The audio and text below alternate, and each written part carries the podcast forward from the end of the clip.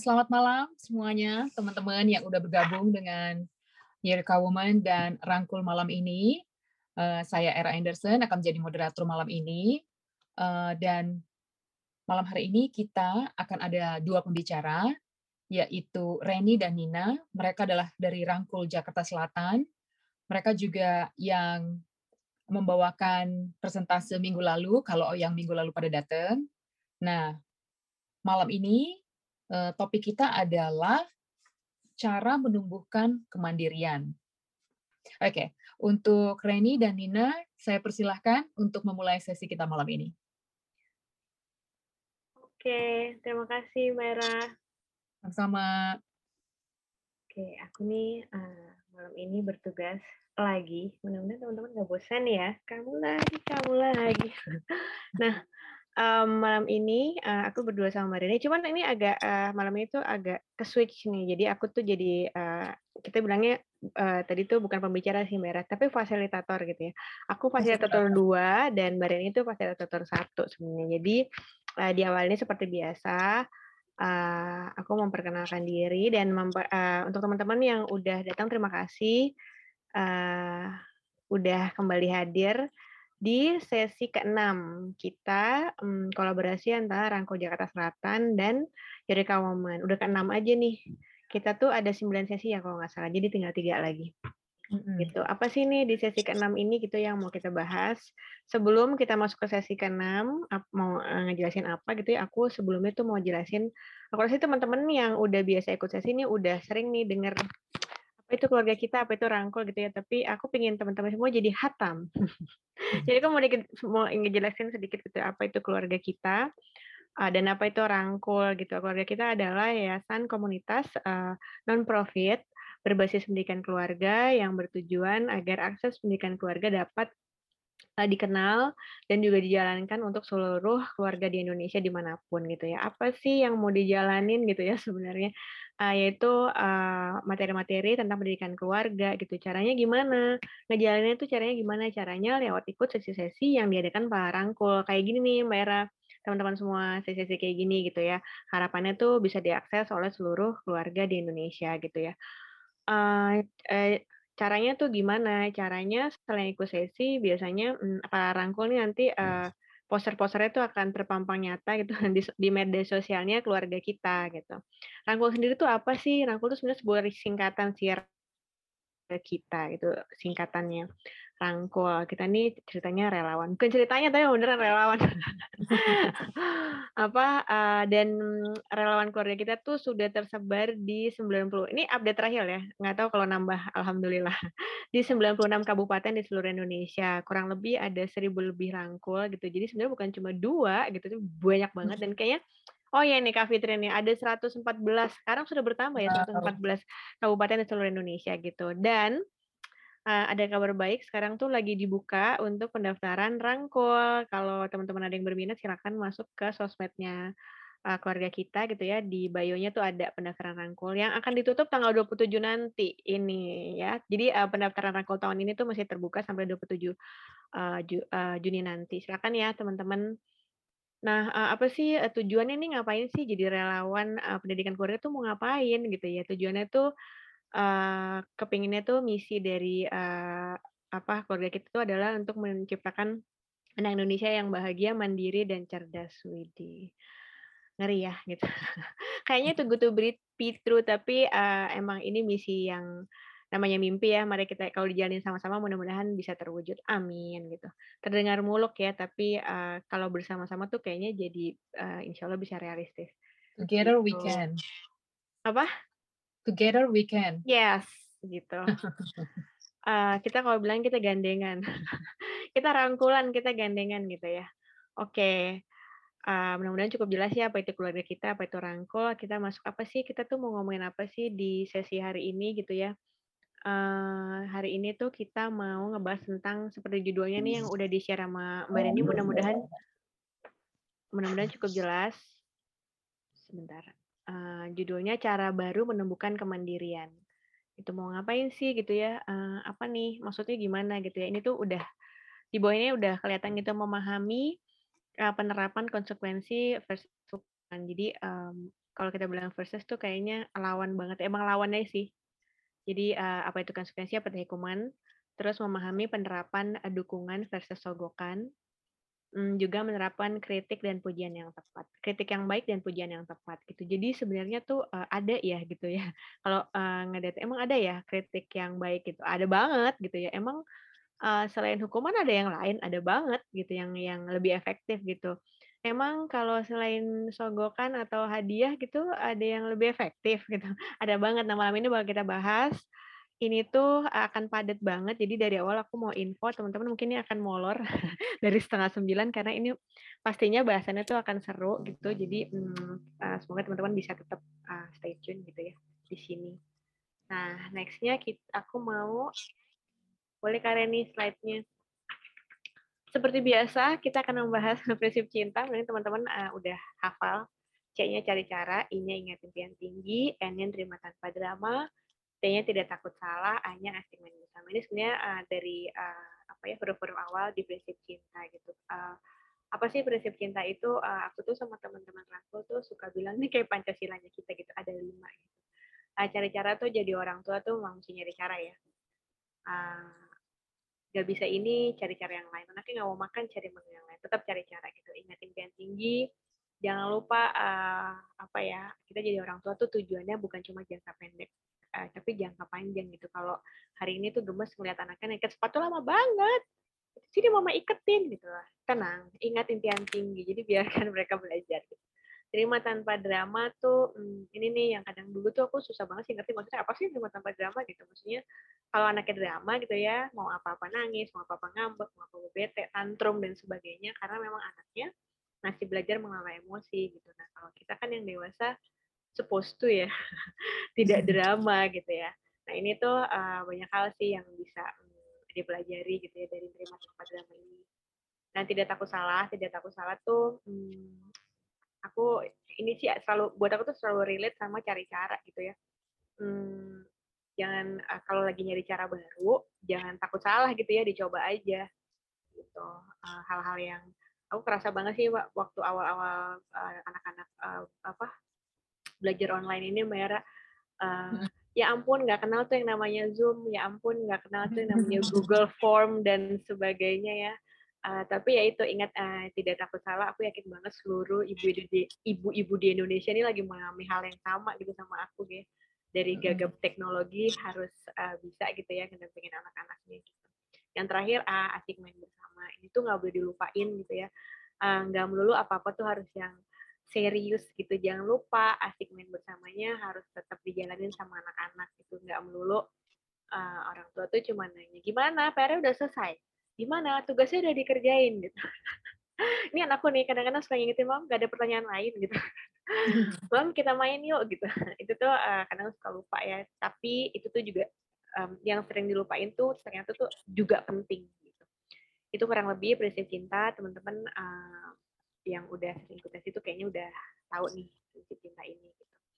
Kita nextnya adalah ini dianya teman-teman kalau masih ingat kalau uh, teman-teman yang ikut sesi sebelumnya pasti tahu nih kemarin kita ngebahas mengenal anak dengan utuh. Aku pengen bareng-bareng gitu ya refleksi topik sebelumnya gitu ya. Kira-kira ada nggak ya yang sudah dijalankan atau hmm, udah nyoba nih tapi belum berhasil atau udah nyoba, aku udah berhasil nih. Kayaknya dulu banget tuh aku uh, pertama kali ngeliat tahap perkembangan anak tuh yang aku lakukan pertama kali langsung mencocokkan merah ini benar nggak sih? Umur segini tuh lagi bisa gini benar nggak sih? Umur segini lagi bisa gini gitu. Jadi dengan uh, kayak gitu ya dengan tahu tahap perkembangan anak tuh jadi paham oh ternyata yang kemarin dia rungsing bete tuh wajar gitu ya. Karena di umurnya tuh memang lagi kayak gini gitu. Oh yang kemarin dia hmm, tiba banyak nanya uh, kritis banget gitu ternyata memang wajar gitu. Hal-hal yang kayak gitu. Jadi untuk tahu tahap perkembangan anak tuh uh, tujuannya adalah supaya kita orang tua tuh paham dan jadi realistis gitu sama anak. Oke, okay, uh, eh, kita abis ini uh, masuk ke materi. Teman-teman silahkan disimak. Ini video pertama. Kita akan sharing tiga video malam ini. Banyak ya. Tapi memang seseru itu malam ini. Uh, video pertama ini tentang uh, konsekuensi uh, dan hukuman gitu ya teman-teman. Uh, silakan simak jadi tahu gitu. Apa sih uh, beda apa sih yang ngebedain konsekuensi sama hukuman? Terus mana yang lebih efektif uh, dan sebagainya ini dijelasin di sini gitu. Nah nanti abis video Mbak Reni akan menjelaskan poin-poinnya. Silakan Mbak Reni. Reni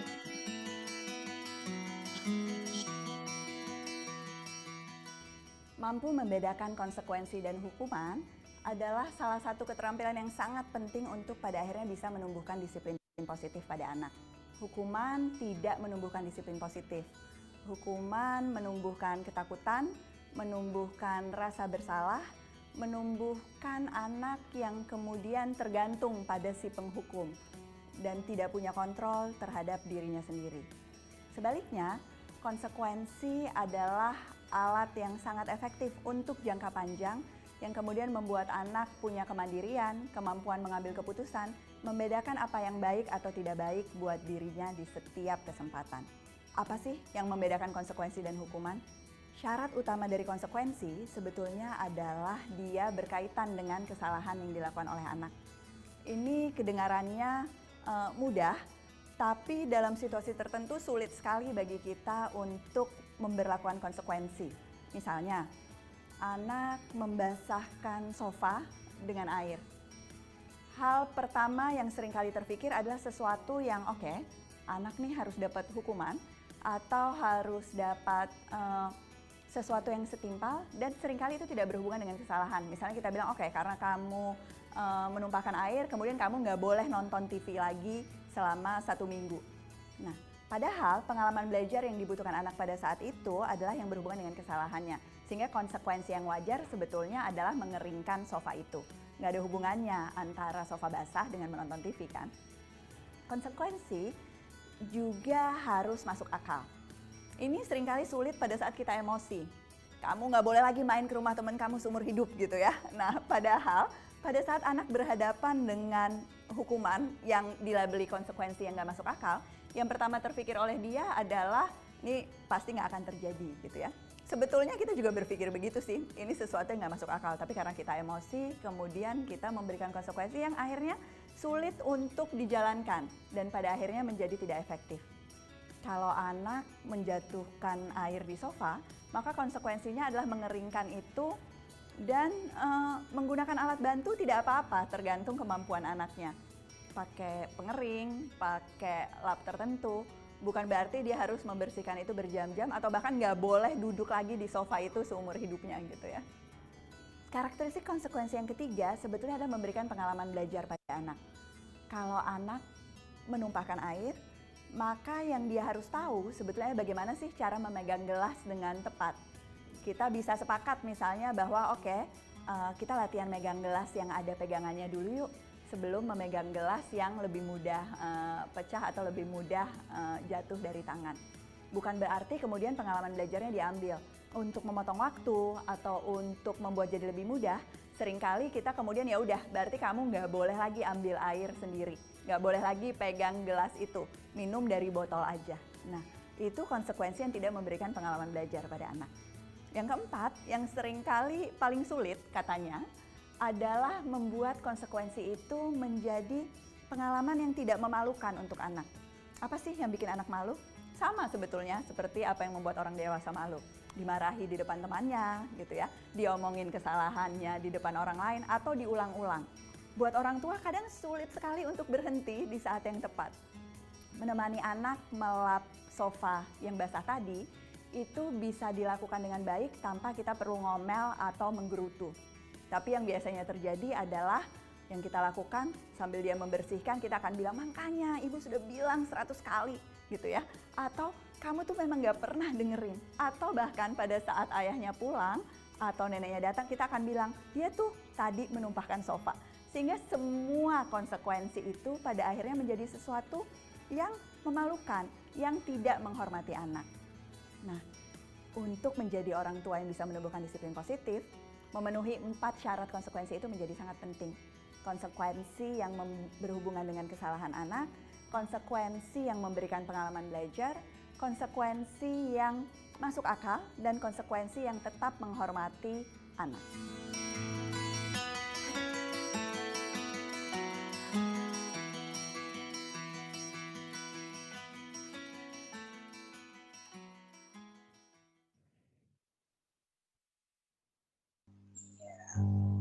Sebelum mulai aku bacain ini tadi ada Kak Mirisa dia chat gitu ya.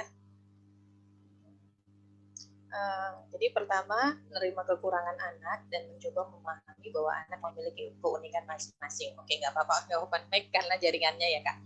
Iya sih, yang paling penting banget tadi kata Mbak Dina kalau udah pegang apa ya panduan tadi yang di YouTube gitu, kalau udah tahu uh, tahap perkembangan anak itu sampai mana, terus anak juga punya keunikan masing-masing gitu. Jadi uh, bisa memanage gitu, memanage ekspektasi terus nggak marah-marah gitu ya. Nah, terus uh, menjadikan kekurangan anak sebagai penerimaan diri dan uh, menggali potensi anak dan mengembangkan yang ada dalam diri anak uh, biar menjadi sesuatu di kemudian hari. Itu keren banget loh itu. Karena tiap anak itu unik tiap anak itu istimewa. Meskipun dia tidak pintar menghafal tapi dia pasti punya keahlian di bidang lain gitu. karena kan kalau zaman dulu bilangnya ya uh, anak yang jago hafal itu anak yang pintar padahal belum tentu juga gitu kan. Kalau zaman sekarang keterampilan sosial juga dibutuhkan gitu. Nah uh, dari video tadi uh, salah satu yang utama dalam disiplin positif itu kan uh, bahwa hukuman tidak akan efektif untuk menumbuhkan disiplin ke anak untuk jangka panjang gitu. Nah uh, aku lupa munculin slide-nya. Nah dia. Nah, di sini eh, kenapa sih kita eh, pakainya konsekuensi dan bukan hukuman gitu. Nah, aku jelasin dulu ya.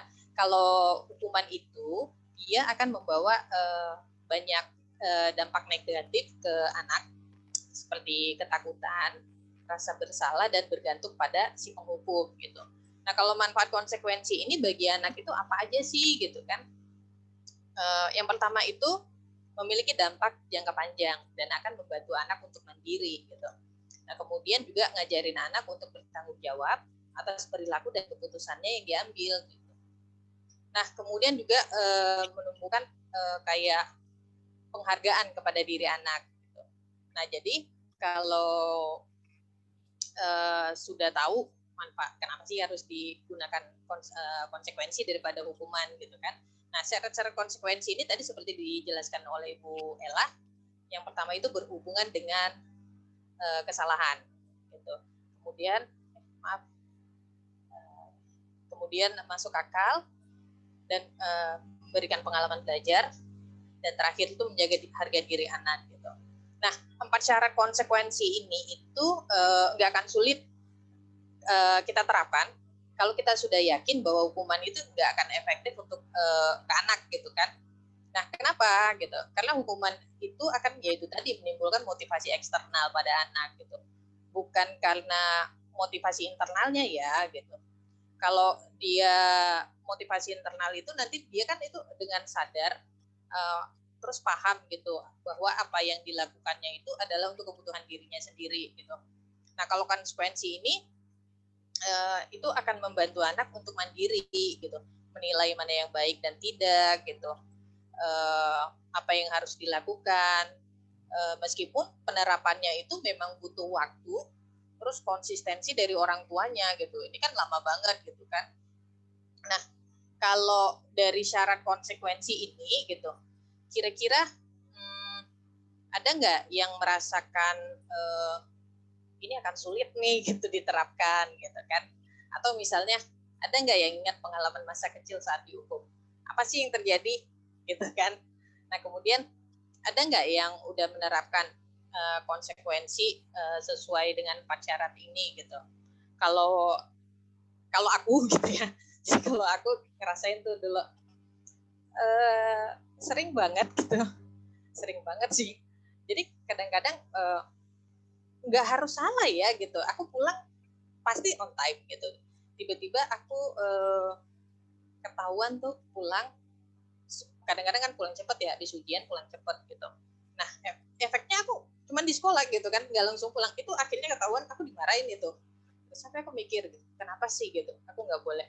Nah efeknya itu sekarang ke aku tuh jadi uh, kalau ada apa-apa maunya on time gitu. Tapi ya itu tadi jadi ketakutan gitu. Jadi aku pasti punya persiapan kayak gini. Satu jam sebelumnya aku udah nongkrong nih di meja gitu kan. Yang seperti itu gitu, gitu. jadi nggak tenang gitu kan. Nah eh, kemudian kalau kenapa sih syarat konsekuensi ini berhubungan dengan aku terangin ya satu-satu kenapa berhubungan dengan kesalahan gitu. Misalnya uh, anak kayak tadi ya numpain air minum terus ya itu tadi nggak boleh nggak boleh duduk di sofa gitu. Itu kan nggak juga gitu e, cocok sih gitu. Aku sependapat dengan e, Bu Ella bahwasanya ya harus dikeringkan dengan caranya dia gitu. Kadang-kadang tergantung dengan usia anak juga sih gitu. Anak-anak kecil ini kadang-kadang mau ngelap sofa karena aku punya anak usia tiga tahun gitu. Dia numpain air gitu. Dia nggak pakai kain lap yang emang untuk ngeringin kan ibu atau apa. Diambil dong baju gitu baju di tempat kotor terus dia lapin. Tapi ya memang gitu ya gitu. Jadi ya udah gitu. Dia sadar dia lap meskipun caranya seperti itu gitu nah kemudian harus masuk akal gitu nggak mungkin nggak mungkin tadi nggak boleh duduk selamanya gitu nah kemudian juga e, memberikan pengalaman belajar gitu jadi e, dia itu paham bahwasanya dia bertanggung jawab ya kalau kamu sudah numpain berarti kamu harus uh, uh, mengeringkannya gitu. Nah kemudian menjaga harga diri anak. Nah ini penting banget ya untuk nggak cerita ke uh, termaksud ke bapaknya gitu kan. Kadang-kadang kita marah gitu kan. Uh, terus bapaknya nanya, kenapa sih gitu? Aku kalau kayak gitu, hmm, aku diem gitu. Nah, itu udah tanda tuh semenjak aku jadi rangkul suamiku udah tahu gitu. Ada saatnya dia nanya ketika aku marah sama anak, kenapa sih kenapa sih dia tanya gitu hmm, gitu nah kalau udah kayak gitu dia tahu aku nggak boleh cerita karena itu menjaga harga diri anak gitu jadi sama-sama belajar aku sama suami gitu kan sama-sama belajar bahwasanya ada bagian-bagian yang memang nggak boleh aku ceritain ketika anakku melakukan kesalahan gitu. Ke suami aja aku nggak cerita apalagi ke orang lain gitu. Nah kalaupun aku cerita pasti harus dengan izin dia gitu. Tapi untuk kesalahan-kesalahan ini insya Allah minim banget sih gitu untuk cerita gitu. Karena to be aku pun masih terseok-seok menjalaninya. Maksudnya ini tuh nggak gampang gitu ya, apalagi dengan kebiasaan kita yang udah sering uh, ngasih hukuman ya. Sesimpel uh, mungkin teman-teman pernah ngerasain juga simpel kayak um, berdiri di sana gitu. Itu tuh dulu tuh masih sering apa kamu dihukum gitu ya. Oh, udah diri aja di sana itu tuh uh, kadang tuh nggak berhubungan sama kesalahannya gitu ya dulu tuh sering yang kalau misalnya apa ya um, naughty corner ya iya naughty corner. Sebentar tapi tapi aku juga bukan bukan tipe orang yang anti anti memberi uh, bukan hukuman tapi aku bilangnya konsekuensi tetap. Jadi misalnya misalnya nih si kakak sih dulu yang emang nggak bisa diem anak yang emang anak yang aktif gitu ya. Terus uh, buat dia tuh disuruh buat dia tuh mm, apa ya untuk diem itu hal yang sangat dihukum gitu maksudnya itu tuh kadang tuh aku suka bilang gini uh, ya udah kamu tuh tadi karena kamu misalnya karena kamu nggak bisa diem loncat sana sini dan segala macam uh, ada aja misalnya yang rusak atau pecah waktu itu aku ingat jadi gucinya gucinya mertua aku pecah gara-gara dia main bola. Kalau guci mama sih nggak masuk, aku guci yang uti aku tuh. Kebayang ya gitu. Nah itu tuh aku tuh sama dia tuh langsung yang oke okay, kita beresin nggak kepingin marah-marah ya karena aku juga nggak bukan nggak kepingin marah kepingin marah tapi uh, dia tuh kan aku realize dia melakukan tidak sengaja gitu kan. Nah, tapi memang di awal tuh emang aku udah warning jangan main di dalam rumah Uti, jangan main bola di dalam rumah Uti gitu.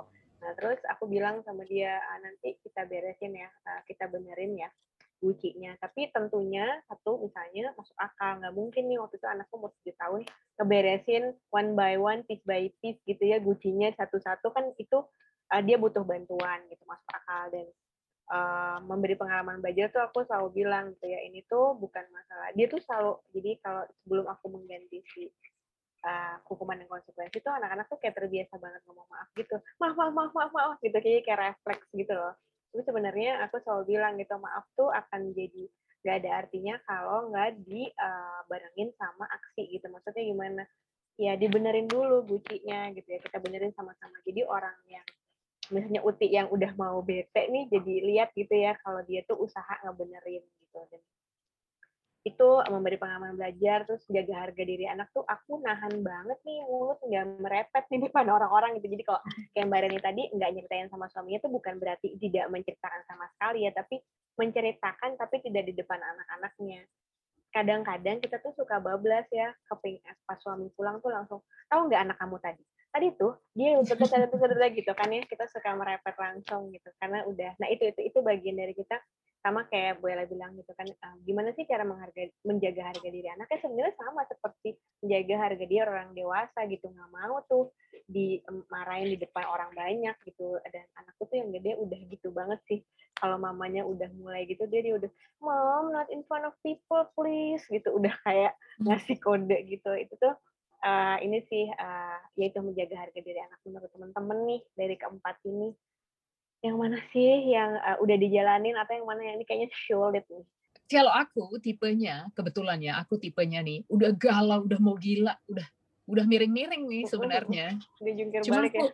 Uh, ya, aku tuh cuma cuma bisa cerita tuh ke sahabat aku gitu. Jadi aku akan telepon, eh babe, hu, hu, hu, gitu. Iya, iya. Jadi nggak tipe medsos gitu. Aku yeah. kalau ke medsos, ya kalau lagi pas mood uh, posting apa ya aku posting gitu. Yeah. Ada ada memang orang yang uh, menurut aku aku nggak nyalain ya, karena menurut aku mungkin dia merasa lebih relief gitu, merasa lega kalau dia udah posting di uh, medsos yeah. gitu. Karena tanpa dia sadarin ternyata itu jadi konsumsi publik gitu kan. Yeah.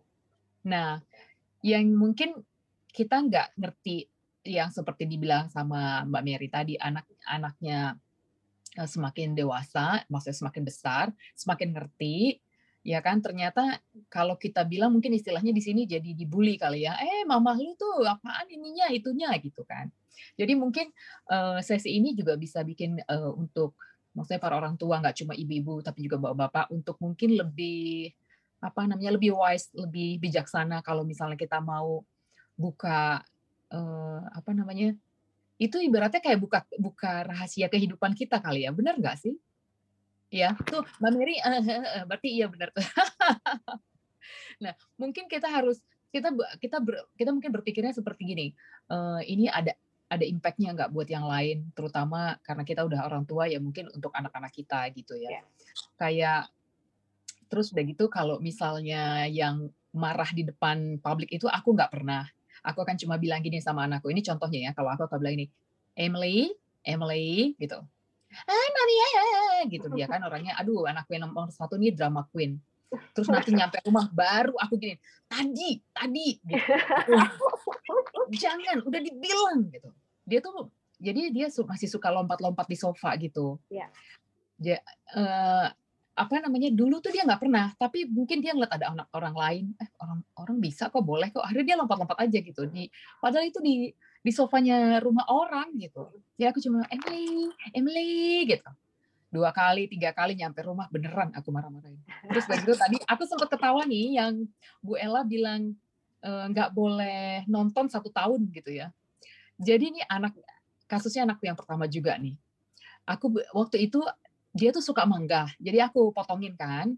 Terus kata dia, "Mami, mami, uh, I want the mango, I want the mango." Kata, "Oh yaudah, aku kupasin."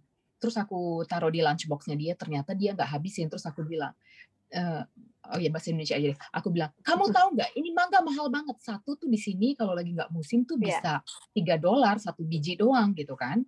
Terus udah gitu aku bilang, eh enggak deh, justru kalau musim, iya ya benar-benar bisa tiga dolaran gitu kan, empat dolaran kalau yang gede gitu aku bilang terus aku bilang gini sama dia e, kamu nggak akan makan mangga lagi sampai kapan pun aku nggak akan beli kamu mangga aku bilang gitu. Benar loh aku nggak beli dia mangga jadi dia selalu ngeliat mangga gini mami. Boleh nggak beli mangga enggak. I promise you aku bilangnya. Aku udah janji sama kamu kalau kamu nggak makan mangga somehow itu ada temen atau mertua aku ya kasih dia mangga terus dia makan gitu kan Terus aku bilang, kok kamu makan mangga? Kok kamu makan mangga? Aku udah bilang kamu gak boleh makan mangga lagi. Terus dia bilang, itu udah ada setahun udah setahun lebih dia absen makan mangga. Terus uh, terus kata dia, mami I promise you, uh, kalau dikupasin uh, aku akan habisin katanya. Akhirnya aku bilang bener ya, kalau sampai nggak lagi nggak aku beliin mangga lagi. Akhirnya aku ya udah sekarang aku beliin mangga. Jadi karena aku tahu itu buah favorit dia. Kebayang nggak? Aku seminggu lebih, eh seminggu, setahun lebih nggak beli mangga sama sekali. Padahal aku juga pengen makan ya, tapi aku pikir enggak dong. Daripada dia ikutan makan, tahu konsisten gitu untuk nggak beli mangga itu luar biasa. Hukuman Padahal aku suka banget loh. Aku suka banget mangga kan. Iya. Tapi aku pikir kalau aku kupas aku makan, kalau masa dia ngiler-ngiler, aku kan tega banget ya ibu ibu jahat banget nih. Jadi mendingan aku juga nggak ikutan makan mangga. Iya. Uh, itu itu contoh konsekuensi ya yang aku bilang susah-susah uh, susah -susah gampang ya kan? Iya, uh, konsekuensi itu bukan lagi susah gampang buat aku susah sih dari awal nerapin karena terbiasa, karena terbiasa dengan hukuman dari dulu ya. Jadi kalau bicara pola asuh kan dari dulu kita sama orang tua kita hmm, sering dihukum dan dipukul pakai sapu ya. Uh, bukan dihukum itu nggak ada hubungannya gitu, kayak hal-hal yang nggak berhubungan gitu. Misalnya uh, kamu pulang telat misalnya pulang telat pulang sekolah besok besok kalau pulang dikunciin terus um, tanpa ditanya gitu kenapa pulang telat? Gitu yang hal-hal yang kayak gitu tuh sebenarnya eh, nggak uh, nggak uh, apa ya nggak masuk akal gitu. Jadi nggak nggak menanyakan dulu gitu apa apa sebabnya gitu. Eh kenapa gitu ya, ya mungkin ya, busnya busnya telat mungkin kan? Iya. Atau Kalau kita lupa bener. chatting eh chatting ngobrol-ngobrol sama temen gitu kan? Iya iya. Hal-hal kayak gitu yang yang karena itu terbiasa ya nurut aja gitu kan hmm, tadi kalau kata Mbak Merisa gitu apa sih yang menjaga harga diri anak? Ya itu sama seperti yang orang dewasa ingin dijaga harga dirinya tuh it's the same gitu. Ya. Jadi kalau kita ngomongin misalnya kita lagi anak di depan orang itu kadang-kadang tuh kalau kita nggak bisa ngelola emosi tuh ya bablas gitu ya di depan orang tuh tuh gitu. Emosinya tuh tadi uh, apakah itu marah, apakah itu ingin mendapat pengakuan gitu kan. Apa kata orang nih kamu gini gitu. Jadi gitu emosinya jadi kita tuh bereaksi sama emosi kita dulu gitu ya. Tapi tidak bereaksi apa yang uh, anaknya rasain gitu. Nah, itu tuh hmm, bisa eh, jadinya tuh kita kayak bablas gitu ya nggak uh, sama sih sama kayak suami juga kan kayak aku bilang tadi udah pulang kantor gitu terus atau sesimpel sama temennya gitu gitu aku nanti bentar, bentar nih anak gue nih lagi gini udah tahu gini gini gitu. Nanya cos di telepon iya. ngomongin anak sih yang lagi itu tuh udah abis terjadi gitu. Jadi uh, untuk merubah itu tuh uh, emang gak gampang gitu ya. Mudah-mudahan uh, punya gambaran gitu ya uh, sama itu. Dan um, uh, tadi aku bilang aku ngerasa relate karena aku ngerasa uh, my mom and dad is uh, divorce gitu. Jadi aku aku kalau dibilang kemarin apa ya kalau dulu misalnya anak korban perceraian gitu bahasanya ya emang kayak gitu. Dan itu tuh mungkin zaman dulu anak broken home kali bilangnya ya? Yes anak zaman kita home. waktu sekolah. Ya ya ya ya, ya. itu tuh memang emang panjang sih untuk uh, apa ya kita sebagai orang tua untuk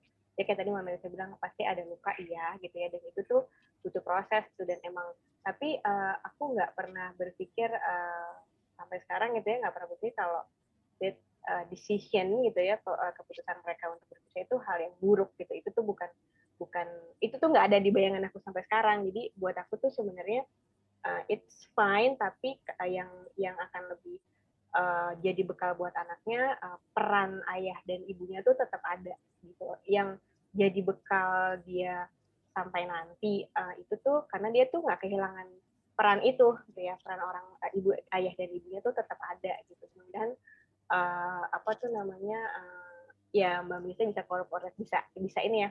Dari sesi ini sebenarnya masih ada banyak sesi-sesi sih yang nanti um, nanti nih di uh, festival keluarga kita tuh ada sesi khusus untuk single parent jadi mudah-mudahan mbak Misa bisa ikutan sih uh, dibawainnya benar-benar sama uh, influencer yang single parent dan uh, rangkul yang single parent.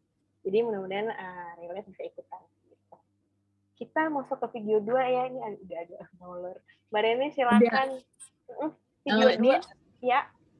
Boleh ini sebentar nggak? Ini ada Ajeng nanya. Kak, oh, iya, boleh, nanti, boleh, boleh. Kak, kalau nanti anaknya remaja supaya dia nyaman sama kita harus bagaimana katanya? Supaya anak remaja coba cewek nih, coba nih Kak Ajeng ya. Bentar. Iya, coba yang anaknya udah remaja, aku belum. Iya nih, anak laki-laki sama. Tos dulu Kak Ajeng, ini berapa umurnya anaknya? oh, oke. Okay. Nggak parent juga ya. Mama-mama, kalian juara. Luar biasa. Uh, aku bukan tiga tahun. Uh, aku bukan single parent, tapi anakku cowok. Tadi um, kalau ngomongin nyaman gitu ya Mbak Reni. Mbak Reni kan juga punya anak cowok ya? Punya. punya kalau aku tuh udah remaja nih anakku udah umur 13 tahun jadi hmm, kalau bicara supaya nyaman tuh emang ngebuildnya. Dan kebetulan aku tuh belajar keluarga kita tuh baru pas anaknya umur 7 7 8 tahun. Jadi kayak aku tuh kayak baru ngebuild tuh beberapa tahun ini gitu. Jadi seperjalanan dia dari 8 tahun ke 13 tahun sekarang tuh kayak bukan kayak baru dibuild tapi kayak baru uh, apa ya uh, kayak uh, apa love language-nya tuh harus tetap dipertahankan gitu. Meskipun nggak kayak dulu kayak peluk tuh sekarang udah kayak jarang karena dia tuh bilang gitu ya namanya anak laki-laki ya aku tuh risih kalau peluk mama tuh kena boobs mama. Itu tuh harus kita terima ya dengan lapang dada gitu ya. Maksudnya maksudnya tuh kayak oke okay, kamu tuh udah gak nyaman. Nggak bisa dipaksa-paksa lagi gitu ya. Terus kayak pegangan tangan tuh yang oke okay, sampai uh, apa ya hmm, hal-hal hmm, yang biasanya dilakuin gitu ya pak. Misalnya kayak mau nganterin dia basket gitu ya. Dia cuma di mobil nanti nggak usah pegang tangan aku ya ma. Itu aku harus terima. Karena emang udah gede anak itu nggak bisa nggak bisa digituin lagi. Tapi ada saatnya di mana kita tuh selalu punya quality time berdua gitu ya untuk ngobrol sih gitu ya. Kalau anak laki tuh uh, kalau anak perempuan kan kalau kita ibu gitu sama anak perempuan tuh kayak banyak kesamaan yang bisa kita jalanin sampai nanti gitu ya. Sampai bisa nyalon bareng. Ya, uh, nyalon bareng massage bareng ya gitu gitulah ya gitu. Kalau cowok tuh emang emang agak uh, challenging gitu buat aku seorang ibu gitu ya kayak ngobrolin cewek terus harus harus punya mimik biasa saja itu agak sulit buat mama tapi harus belajar gitu ya. Uh, yang kayak gitu-gitu tuh emang harus dijalannya dari mulai uh, terutama kalau udah masuk remaja kayaknya uh, itu yang harus diperbanyak tuh ngobrol sih emang ya sama uh, uh, menuju remaja ABG tuh. Karena sebenarnya kalau bukan dari situ uh, susah nantinya untuk ngejalanin yang lebih untuk apa ya untuk conversation conversation yang lebih dari itu gitu ya lebih uh, lebih dari kayak misalnya aku ngomongin uh, cewek gitu ya uh, kalau yang nggak biasa ini teman-teman yang nggak biasa tuh nggak akan pernah ngebahas tuh ya sama anaknya. Dan nanti begitu anaknya ini pengalaman teman-teman aku yang anak di rumah aja begitu anaknya bilang aku mau ke rumah si ini gitu ngapel gitu ya gitu. Ibunya tuh langsung Hah, siapa itu? gitu. Tapi kalau udah udah di build itu dari sekarang aku ngobrol. Siapa sih teman yang di kelas sesimpel aku nanya? Yang kamu suka ngobrol sih tapi cewek ya gitu ya. Terus nanti dia jawabnya masih malu-malu tapi lama-lama dia iya soalnya dia uh, emang enak dia ngobrol. Hal-hal kecil kayak gitu sih bisa gitu deh sekarang. Mudah-mudahan uh, cewek juga gitu loh. iya kan ya? Iya. Gitu. sampai akhirnya aku tanya gitu siapa sih ini? Oke okay, gitu. Nah, tapi aku harus spesifik ya karena dia harus tahu ini ini perasaan kamu mau menikah kamu suka karena kagum karena dia berprestasi atau kamu senang aja tuh main sama dia gitu. Jadi eh, kalau dari kecil udah biasa ngobrol ketika dia bilang ini awal iya bener sih mbak Din dia malu gitu kan. Termasuk anak cewek malu tapi ketika itu aku harus kupas ya. Kamu suka yang gimana? Ternyata dia bilang aku suka kagum karena dia baik gitu. Ya udah gitu. Buat aku nggak masalah gitu. Gitu sih. Benar, benar. tapi benar tapi sama anak cowok juga harus gitu ya harus kong kali kong sama aku, papanya aku baru ini nih, aku baru baru ingat. Jadi uh, temanku di sini kebetulan sih orang tuanya dua-duanya emang bule ya. Jadi uh, ini anak dari kecil aku udah kenal gitu. Uh, suddenly dia ini kan udah kelas berapa ya kalau di Indo itu mungkin kayak satu SMA gitu. Nah terus waktu aku uh, apa namanya datang ke rumahnya gitu, ternyata dia tuh uh, temanku bilang gini, eh nanti si A datang uh, sama ceweknya. Hah? Udah punya pacar. Aku sampai kaget-kaget karena dulu dia masih masih kecil banget kan masih umur empat tahun atau apa yang masih lari-lari yang masih aku gendong gitu. Tiba-tiba dia udah yang tinggi banget gitu. Terus udah gitu aku bilang sama mamahnya nih aku tanya e, uh, how's your feeling? Aku bilang gimana perasaan kamu? Gitu. Terus kata gini shock kata dia. Karena ini dia punya anak cowok empat gitu kan. Dan dia tuh deket banget sama semua anak yang cowok ini yang uh, main sepak bola iya, main rugby iya, ini itu gitu. Pokoknya semua aktivitas tuh dia dia yang iniin karena suaminya kan selalu sibuk kerja gitu. Terus kata dia uh, uh, apa sih dia bilang ini uh, dia selalu berusaha uh, try to be cool katanya. Jadi kayak cool mom gitu. Jadi waktu anaknya bilang uh, mami uh, I have a girlfriend gitu. Dia, oh oke, okay. ya udah bawa aja ke rumah kata dia gitu. Padahal dia udah ngep-ngep gitu ya. Tapi dia bilang daripada Ra itu kata dia dia bilang gini, Ra uh, itu better. Jadi kita kenal ini anak cewek ini siapa daripada kita larang-larang nanti mereka belak diem-diem di belakang katanya. Akhirnya pas lagi aku kebetulan nginep di tempat mereka, tidak uh, datanglah ini cewek terus udah gitu mereka duduk berdua terus pegang-pegangan tangan aku sama suamiku begini oh my god oh my god terus aku bilang gini eh gimana gimana ya mau gimana lagi emang mereka pacaran terus pegangan tangan gitu yeah, yeah. tapi ya tapi benar jadi keterbukaan ya kayaknya terus ngerasa anak mungkin akan ngerasa nyaman kalau kita juga nggak langsung panik gitu ya cool Yes. cool cool aja Iya, iya, gitu cool aja gitu. Dan sama ini sih kita tuh nggak menutup kemungkinan kita duluan yang cerita gitu ya tentang kita dulu gitu. Kayak kayak kemarin Mm-mm. eh, anakku nanya gitu, emang mami, emang mama punya eh, pacar selain papa? Jadi dia pikirnya aku ketemu bapaknya terus get married gitu, nggak punya pacar sebelumnya gitu. Ya punya. Dia sampai kaget-kaget gitu. Oh jadi mama sama, sama ini punya ex boyfriend? Of course gitu ya. Gitu. Jadi obrolan-obrolan kayak gitu tuh ya ap- apa ya eh, receh, cuman ternyata tuh kayak jadi info yang menarik buat mereka karena mereka lagi di situ gitu ya, lagi di di di eh, di posisi yang Di itu stage, gitu ya, gitu. Eh, oke kita lanjut kali ya Iya Mbak Ajeng nanti kita sharing lagi ya, silakan Mbak Reni.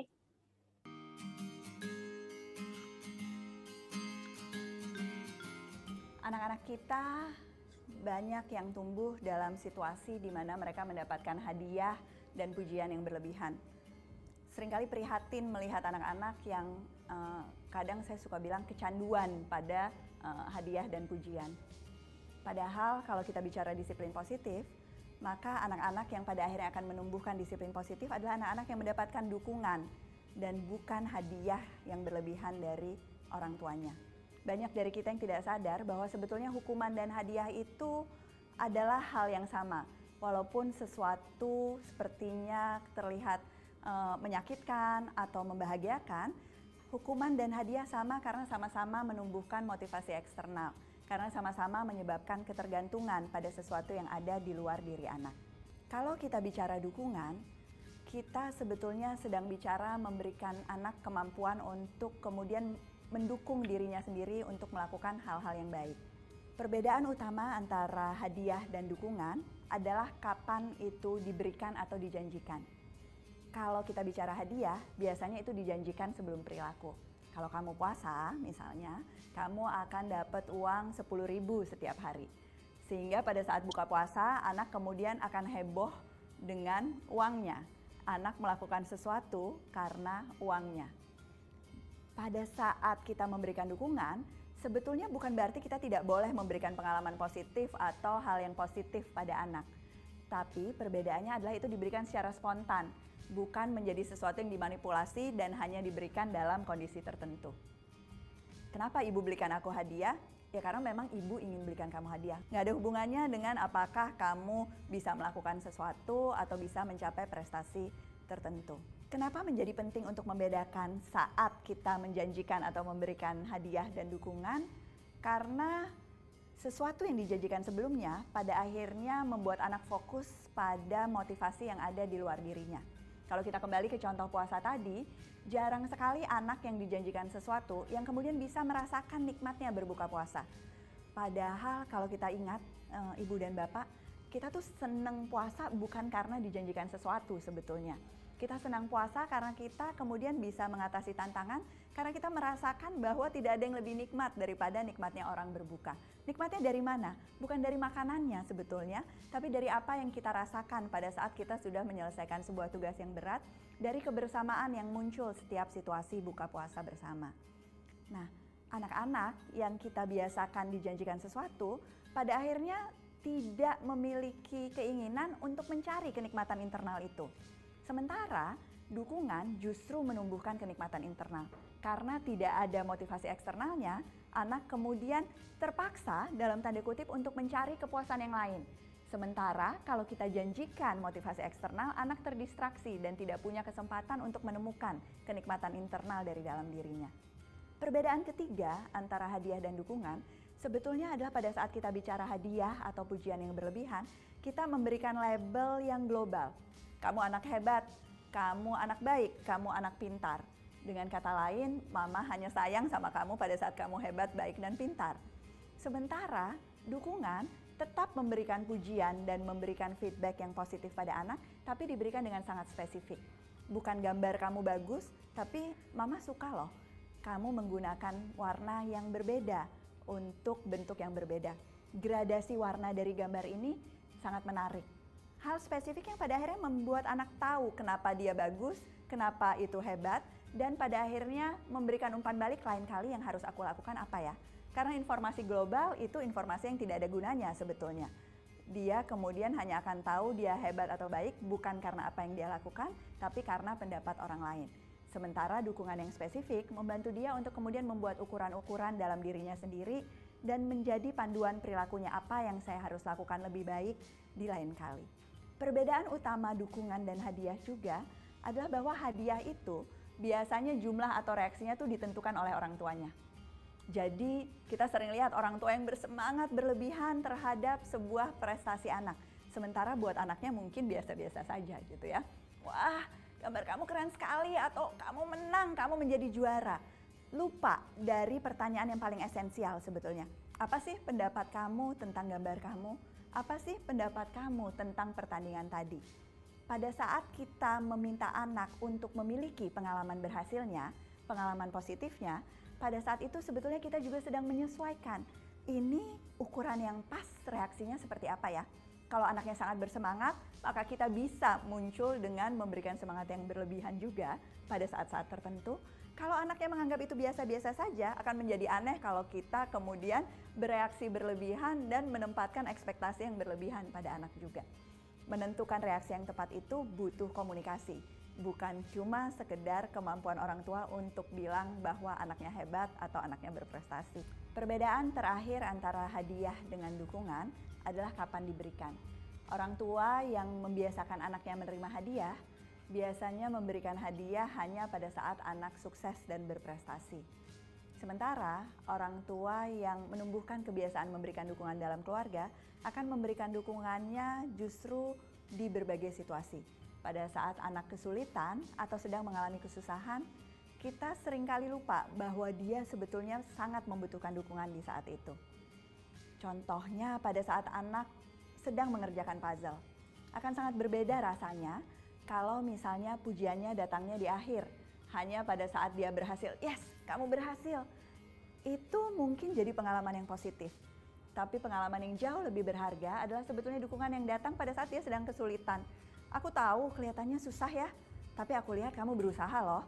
Coba berbagai bentuk potongan puzzle untuk mencari mana yang tepat. Nah, dukungan pada saat anak frustasi, pada saat anak susah, pada saat anak hampir berhenti dan putus asa adalah dukungan yang jauh lebih berharga. Karena tidak heran kalau hadiah menumbuhkan motivasi eksternal, menumbuhkan anak yang tergantung pada hadiah, sementara dukungan di berbagai situasi justru menumbuhkan anak yang punya motivasi internal dan bisa menghadapi berbagai situasi.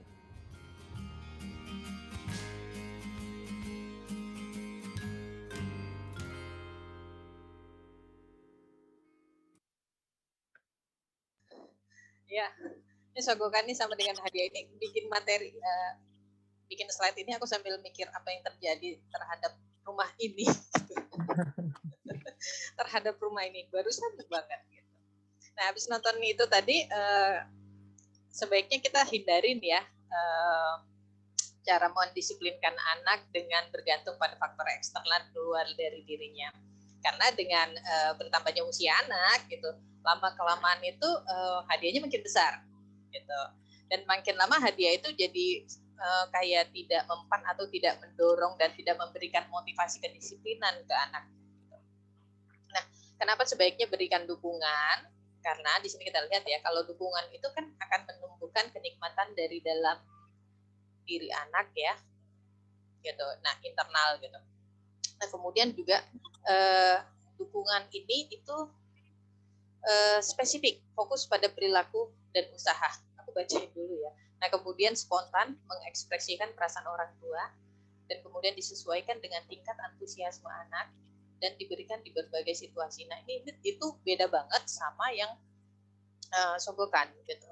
Sogokan ini termasuk juga uh, reward, hadiah, itu juga masuk ya gitu. Itu kan dijanjikan untuk memanipulasi perilaku gitu biar dapat apa yang orang tua inginkan gitu. Nah, jadi anak-anak itu akan fokus sama faktor eksternalnya. Nah, faktor eksternalnya itu tadi apa ya reward itu tadi gitu. Nah, kemudian termaksud nih melabel anak secara global walau positif gitu. Wah, hebat. Nah, itu kan uh, wah hebat ya gambarnya bagus. Nah, itu tidak spesifik. Kalau kita bilang wah hebat, uh, gambarnya bagus ya. Uh, banyak pakai warna atau degradasi warnanya bagus gitu. Atau ini detail-detailnya bagus banget sih, rambutnya kelihatan banget gitu. Jadi nggak sekedar hmm, coret-coretan gitu. Nah, sebaiknya kan kita ungkapkan. Jadi ke depan itu dia nanti uh, akan tahu nih oh iya sebaiknya aku harus gimana gitu kan. Oh kalau detail rambutnya dibuat kayaknya lebih bagus gitu atau pakai warna yang banyak gitu. Nah jadi dia punya hmm, apa ya uh, standar sendiri gitu untuk ke depannya apa yang akan harus dia lakukan gitu. Nah kemudian kalau sogokan dan reward ini kan dijanjikan yaitu tadi sebelum perilaku untuk mengontrol dan memanipulasi anak Nah, kemudian jumlah reaksi diukur dan ditetapkan oleh orang tua gitu. Kalau awalnya ya gitu, satu coklat boleh gitu. Besok-besok coklat nggak akan makan. Boleh nggak YouTube? Nah, kemudian diberikan hanya saat anak sukses, hanya saat anak sukses. Nah, ini hmm, buat aku yang ngalamin saat ini ya, kebetulan habis bagi rapot tadi. Jadi dukungan itu uh, luar biasa buat aku gitu. Uh, aku tahu dia bisa gitu. Aku tahu dia dapat nilai bagus gitu tapi kebetulan sekolahnya itu metodenya PKBM gitu. Uh, karena metode online buat aku tuh kurang efektif buat dia meskipun dia ada les tambahan gitu. Sampai akhirnya hmm, aku tanya ke dia e, gimana? Uh, aku nggak bilang tinggal kelas ya jadi ini akan berbeda gitu. Sayang uh, kamu tahu nggak tinggal kelas? Aku tanya gitu ke dia gitu. Iya aku tahu gitu. Uh, bunda tidak ingin meninggalkan kamu nggak pengen uh, bunda nggak pengen kamu tinggal kelas tapi kita menahan di kelas 5 ini supaya kamu lebih jejak ditambah umur kamu masih cukup gitu. Nah sampai akhirnya dia bisa bilang tuh uh, jujur bun aku sebenarnya belum siap untuk naik ke kelas 6 gitu. Jadi aku tahu dia akademik oke okay, tapi ternyata secara ada bagian lain yang dia tuh belum siap gitu sesuai umurnya dia gitu. Jadi dia ya Indonesia banget gitu harusnya masuk SD-nya tujuh tahun. Tadi kemarin itu uh, sebelum enam udah aku masukin gitu. Jadi akhirnya tadi kita di uh, orang sekolahnya minta gitu karena kan di PKBM kalau di Indonesia nggak boleh tuh yang namanya tinggal kelas buat anak gitu sampai akhirnya itu tadi uh, orang tua harus bikin surat pernyataan dan akhirnya di situ aku ngobrol sama dia bahwasanya dia uh, meskipun dia cukup berprestasi di beberapa hal gitu sosialnya oke okay, tapi ada beberapa hal yang dia tidak bisa hmm, siap gitu. Uh -uh, gitu. Jadi aku harus yaitu tadi tidak melulu minta gitu ya. Aku lihat terus kita diskusi seperti apa gitu. Jadi uh, dukungan aku kebetulan ke anak saat ini seperti itu gitu. Uh, dan dia oke okay, gitu. Jadi kita bareng-bareng sama-sama di kelas 5 ini gitu. Nah, kira-kira uh, banyak juga sambil ini kebetulan dia tahu sesi aku kali ini dia mau ngikut karena ada giveaway gitu dan dia kan maniak buku dia tuh maniak banget sama buku dan dia tahu bunda aku mau itu buku itu gitu kan oke okay. Jadi aku bilang kakak itu bagian dari sogokan loh. Kamu yakin mau ikut sesi bunda iya gitu. Tapi kan kamu tahu itu sogokan? Ada reward nanti di sesi ini. Iya nggak apa-apa bunda gitu. Terus apa untungnya buat kamu? Ya nggak ada aku dapat bukunya. Oke okay. gitu. jadi ini aku harus nego supaya dia nggak ikut gitu.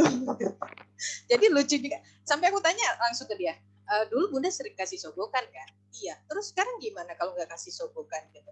Gak enak sih bun gitu dia sendiri mengakui gitu. Dan oh ya ini juga jadi bahan pembicaraan karena ini mempengaruhi dia banget kan sogokan ini. Dan kami juga baru mulai menerapkan uh, setahun belakangan ini untuk tidak ada lagi reward sogokan gitu. Sampai akhirnya dia mulai karena dia ngerti materi-materi ini dia ngobrol bunda jadi apa dong yang kemarin ayah bilang saat uh, habis lebaran ayah kasih duit ke aku? Uh, ayah bilangnya apa? Ini hadiah. Oh hadiah. Hadiah tapi uh, sebelumnya ayah bilang enggak enggak. Oke okay, ya udah nggak apa-apa itu terima aku bilang gitu. Tapi kenapa sih dulu gitu? Jadi dia juga nanya kan Indonesia itu punya tradisi hmm, bagi ampau, ampau. bagi nah itu kan. Terus gimana dong dengan bagi-bagi amplop gitu? Kebetulan kemarin dia lumayan dapat banyak terus dia mikir itu sogokan dong. Gitu. Bukan sayang gitu. Jadi aku lebih ngajak gitu uh, jadi uh, yang ngasih kamu nanya nggak kamu puasa berapa hari? Gitu kan. Enggak gitu ini oknumnya di sebelah terus aku bilang uh, kalau gitu uh, biasanya dia ngasih karena Indonesia itu punya THR tuh kalau Lebaran pasti ada yang dapat THR. Nah itu biasa bagi-bagi ke anak-anak gitu. Kalau udah gede sih nggak akan dapat gitu. Oh jadi itu bukan sogokan ya? Iya gitu. Tapi dia suka menikmatinya itu gitu. Nah itu namanya hadiah sayang gitu. Nah seperti itu. Nah kira-kira ada nggak ya yang punya pengalaman nyogok anak gitu? Kalau aku sih dulu sering gitu. gitu. Sekarang juga uh, ya itu tadi uh, barengan sama suami jadi kayak saling ngerem gitu kan kayak inget, kayak saling ngingetin eh itu sogokan atau apa gitu gitu. Jadi kayak harus nahan-nahan gitu ya biar sama gitu kan sama tujuannya gitu sama tujuannya bahwasanya tidak akan menyogok anak tapi kita akan sama-sama mendukung gitu kan. Nah kemudian uh, apa sih yang sulit dari nyogok anak ini? Ya pasti banyak banget ini kan gitu. Usahanya luar biasa banget gitu. Nah kemudian uh, uh, apa sih aktivitas di rumah yang bisa kita lakukan tanpa memberikan sogokan buat anak gitu? Sebagai langkah awal untuk coba-coba nih menghindari sogokan. Biasa kan kalau bilang yuk makan abis ini kita makan es, uh, makan nasi dulu ya nanti abis ini makan es krim. Itu aku banget itu. Di anak usia tiga tahunku gitu kan. Karena dia uh, tahu uh, ada es krim gitu kan. Gitu. saya boleh nggak makan dulu? Nah itu nanti ya gitu. Itu kan sebagian dari sogokan sih gitu kan untuk memanipulasi tingkahnya gitu. Pada akhirnya aku pasti akan memberi gitu kan. Meskipun ya karena dia udah nggak mau makan lagi dia mau es krim gitu. Nah itu bagian dari sogokan gitu. Sambil sadar tapi sambil ngasih gitu. Aduh ini gimana ya cara ngajarin si anak bayi ini untuk tidak minta gitu kan gitu. Kira-kira dia mau berbagi nggak?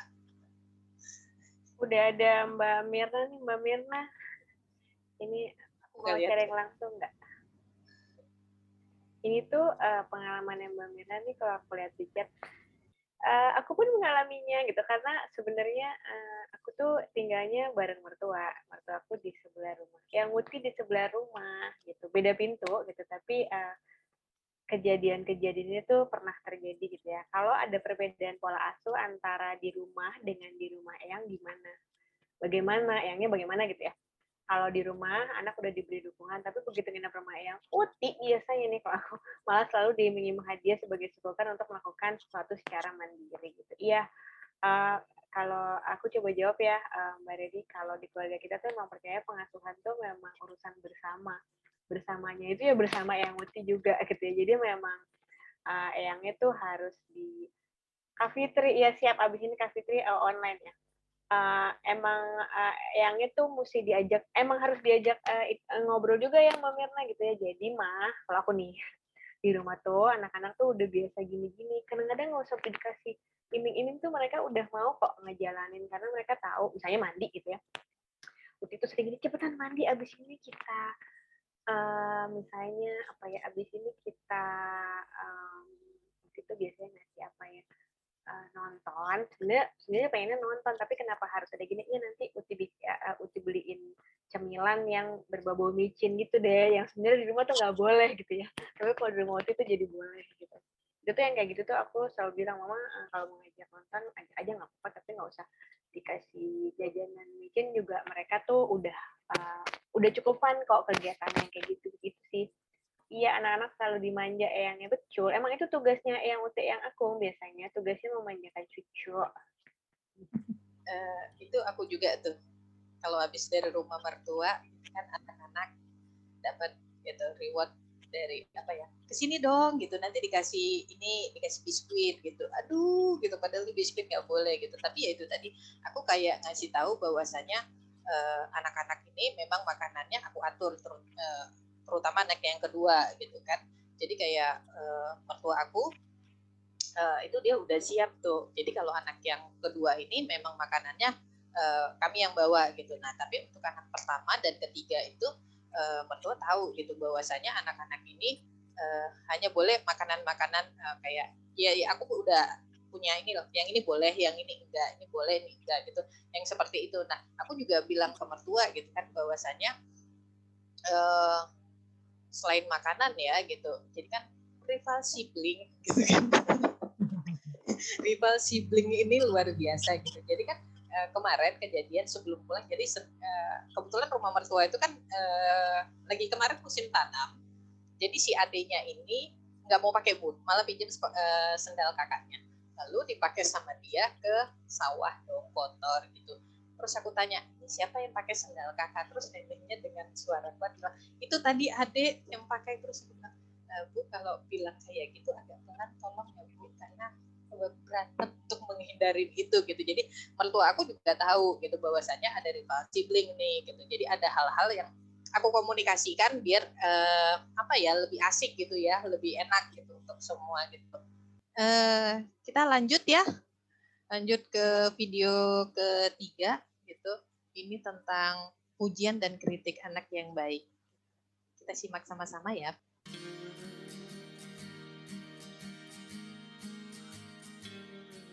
Memuji anak itu menyenangkan, menyenangkan untuk orang tua dan juga pengalaman yang positif untuk anak. Tetapi ada pujian yang sebetulnya beresiko atau membahayakan, ada pujian yang dilakukan dengan bijak yang menumbuhkan disiplin positif. Apa sih bedanya? Beberapa hal.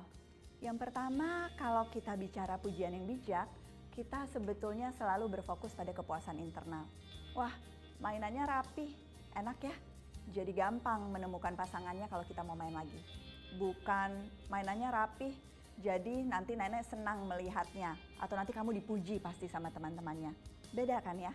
Kalau kita fokus pada kepuasan internal, pada akhirnya anak jadi tahu apa sih gunanya saya melakukan ini. Pujian yang bijak juga pujian yang sifatnya spontan, ada dalam berbagai situasi. PR-nya susah, tapi walaupun memakan waktu lama, kamu tetap mengerjakannya. Itu pujian yang bermakna bagi anak.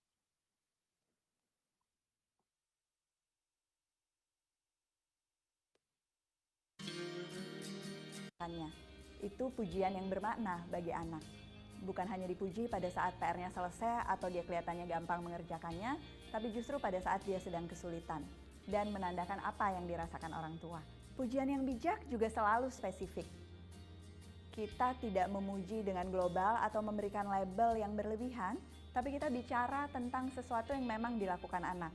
Kita bilang gambarnya sangat menarik, karena ada gradasi warna. Atau kita bilang presentasi kamu menyenangkan deh, karena suara kamu jelas, kemudian kamu pakai alat bantu yang juga membuat ibu jadi bisa lebih paham apa yang kamu maksud. Pujian yang bijak juga pujian yang memuji usahanya, bukan hanya hasilnya. Tadi aku lihat kamu coba ambil air sendiri, tumpah sedikit nggak apa kok. Jadi bukan soal air yang tumpah, tapi soal dia berusaha untuk mengambil airnya dan berusaha mandiri. Pujian yang bijak juga pujian yang tulus, tidak ada maksud manipulasi atau tidak ada maksud menyindir dan sarkastik pada anak pada saat kita mengatakannya. Kita bilang, wah kakak menepati janji berhenti main game sebelum waktunya habis. Bukan, tumben kak, kok kali ini main gamenya sebentar. Beda sekali rasanya mendapat pujian yang tulus dibandingkan mendapat pujian yang sebetulnya tujuannya adalah menyindir bukan hanya buat anak sebetulnya, tapi buat kita orang tua. Karena itu, membiasakan pujian yang bijak menjadi contoh buat anak untuk juga kemudian mengapresiasi apa yang dilakukan orang tua. Dan pada akhirnya, kalau kita terbiasa memuji anak kita dengan bijak, nantikan pujian-pujian yang juga bijak dan menyenangkan dari anak untuk kita, orang tuanya. Mengkritik anak tidak mudah. Orang tua sering kali khawatir bahwa anak akan mendapatkan pengalaman negatif pada saat menerima kritik. Padahal kritik itu perlu. Kritik itu pengalaman belajar dan harus diberikan oleh orang tua kepada anak. Tapi memang ada beberapa panduan untuk kita bisa memberikan kritik yang baik. Salah satu yang paling sulit sebetulnya adalah mengkritik tanpa membuat itu menjadi penilaian yang mempengaruhi pribadi anak. Jadi, kita menyampaikan kritik harus spesifik, bukan pada anaknya, tapi pada perilakunya. Bukan bilang, kamu jorok banget sih, kamarmu berantakan, tapi bilang bahwa mama lihat tas-tas dan kertas-kertas yang ada di kamar itu nggak ada di tempatnya ya. Beda sekali reaksinya yang akan muncul pada saat anak mendapatkan kritik yang spesifik dibandingkan dia mendapatkan kritik yang menyerang dirinya. Kritik yang spesifik didengarkan, kritik yang menyerang akan dilupakan. Perbedaan utama kritik yang baik dengan kritik yang tidak baik sebetulnya adalah kritik yang baik selalu tetap berempati dan mendengarkan apa yang dirasakan oleh orang yang kita kritik. Kita akan bilang, aku tahu sih susah sekali untuk pulang cepat dari rumah teman sehingga kamu jadi terlambat. Sehingga kamu jadi lupa untuk telepon kepada papa tepat waktu. Kritiknya tetap spesifik, lain kali telepon ya nak.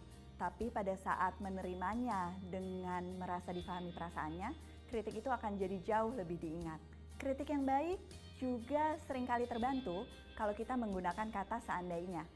Seandainya kita berangkat lebih pagi tadi, kamu udah bisa seru-seruan tuh olahraga sama teman-teman di kelas. Itu akan membantu anak untuk memahami bahwa sebetulnya ada cara yang bisa dia lakukan untuk kemudian tetap menikmati keseruan dan menikmati keberhasilan. Kritik yang baik juga selalu berfokus pada perilaku dan situasi yang bisa dirubah. Ini juga kadang-kala sulit. Pada saat kita mengkritik anak, biasanya kita berpanjang lebar bicara tentang kesalahannya dan bukan apa yang bisa dilakukan. Susah move on katanya. Bicaranya melulu tentang kesalahan. Oh, kamu sih mainannya berantakan. Atau kenapa ya mainannya hilang? Lama sekali menghabiskan waktu di situ dan tidak bicara misalnya tentang kita bisa loh pakai kotak sepatu bekas ini untuk menyimpan mainan-mainan balok kamu anak akan mendapatkan pengalaman yang sangat berbeda pada saat kritik itu fokus pada kesalahan dan pada saat kritik itu berfokus pada apa yang sebetulnya bisa dilakukan untuk memperbaiki kesalahan. Kritik yang baik juga mengajarkan anak bahwa kesalahan itu perlu diakui, bukan sesuatu yang perlu dihindari. Kritik yang baik mengajarkan anak bahwa kesalahan itu bisa diperbaiki. Caranya gimana? Dengan memberikan contoh-contoh apa yang kita alami ibu sama tante juga dulu sering kehilangan mainan. Tapi terus kemudian kita berpikir, apa ya yang bisa dilakukan? Oh, kita cari kotak yang bagus dan nggak ketemu-ketemu kotak bagusnya. Pada akhirnya kita cari kotak yang tidak terlalu bagus tapi kita hias sama-sama. Sesudah itu jadi lebih semangat deh ngerapiin mainannya. Sesudah itu jarang sekali mainannya kemudian hilang dan tidak bisa dimainkan kembali.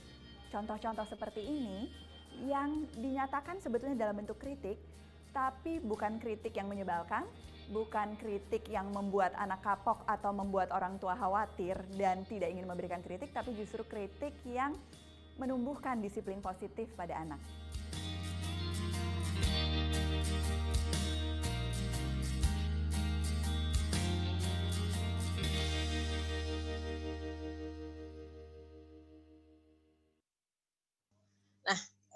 sekarang kita ada di slide bijak memuji anak. Kenapa sih pujian ini penting untuk anak? Siapa sih yang nggak mau dipuji gitu? Semua orang pasti mau kan dipuji. Tapi yang gimana ya pujiannya gitu? Uh, yaitu tadi pujian itu harus uh, spesifik gitu kan. Nah, kenapa pujian ini penting untuk anak? Karena yang pertama itu jika diberikan spesifik pada usahanya itu akan membantu meningkatkan motivasi dari dalam diri anak gitu. Um, terus anak itu jadi pengen ngulangin tuh uh, pengen mengulangin hal positifnya. Uh, begitu juga udah diulangin terus lama-lama kan meningkat gitu uh, perilaku positifnya gitu. Nah kemudian kalau pujian yang tidak berlebihan ini itu juga membantu mm, meningkatkan kepercayaan diri anak dan ya tidak over gitu ya. Ya sewajarnya lah gitu percaya dirinya Nah, kemudian juga pujian yang dilakukan dengan bijak ini juga bisa mengeratkan hubungan antara um, anak dan orang tua gitu. Nah, eh, fokus pada eh, kepuasan internal atau diri sendiri gitu. Nah, contohnya gitu ya, eh, contoh simpelnya sih kayak kebetulan anakku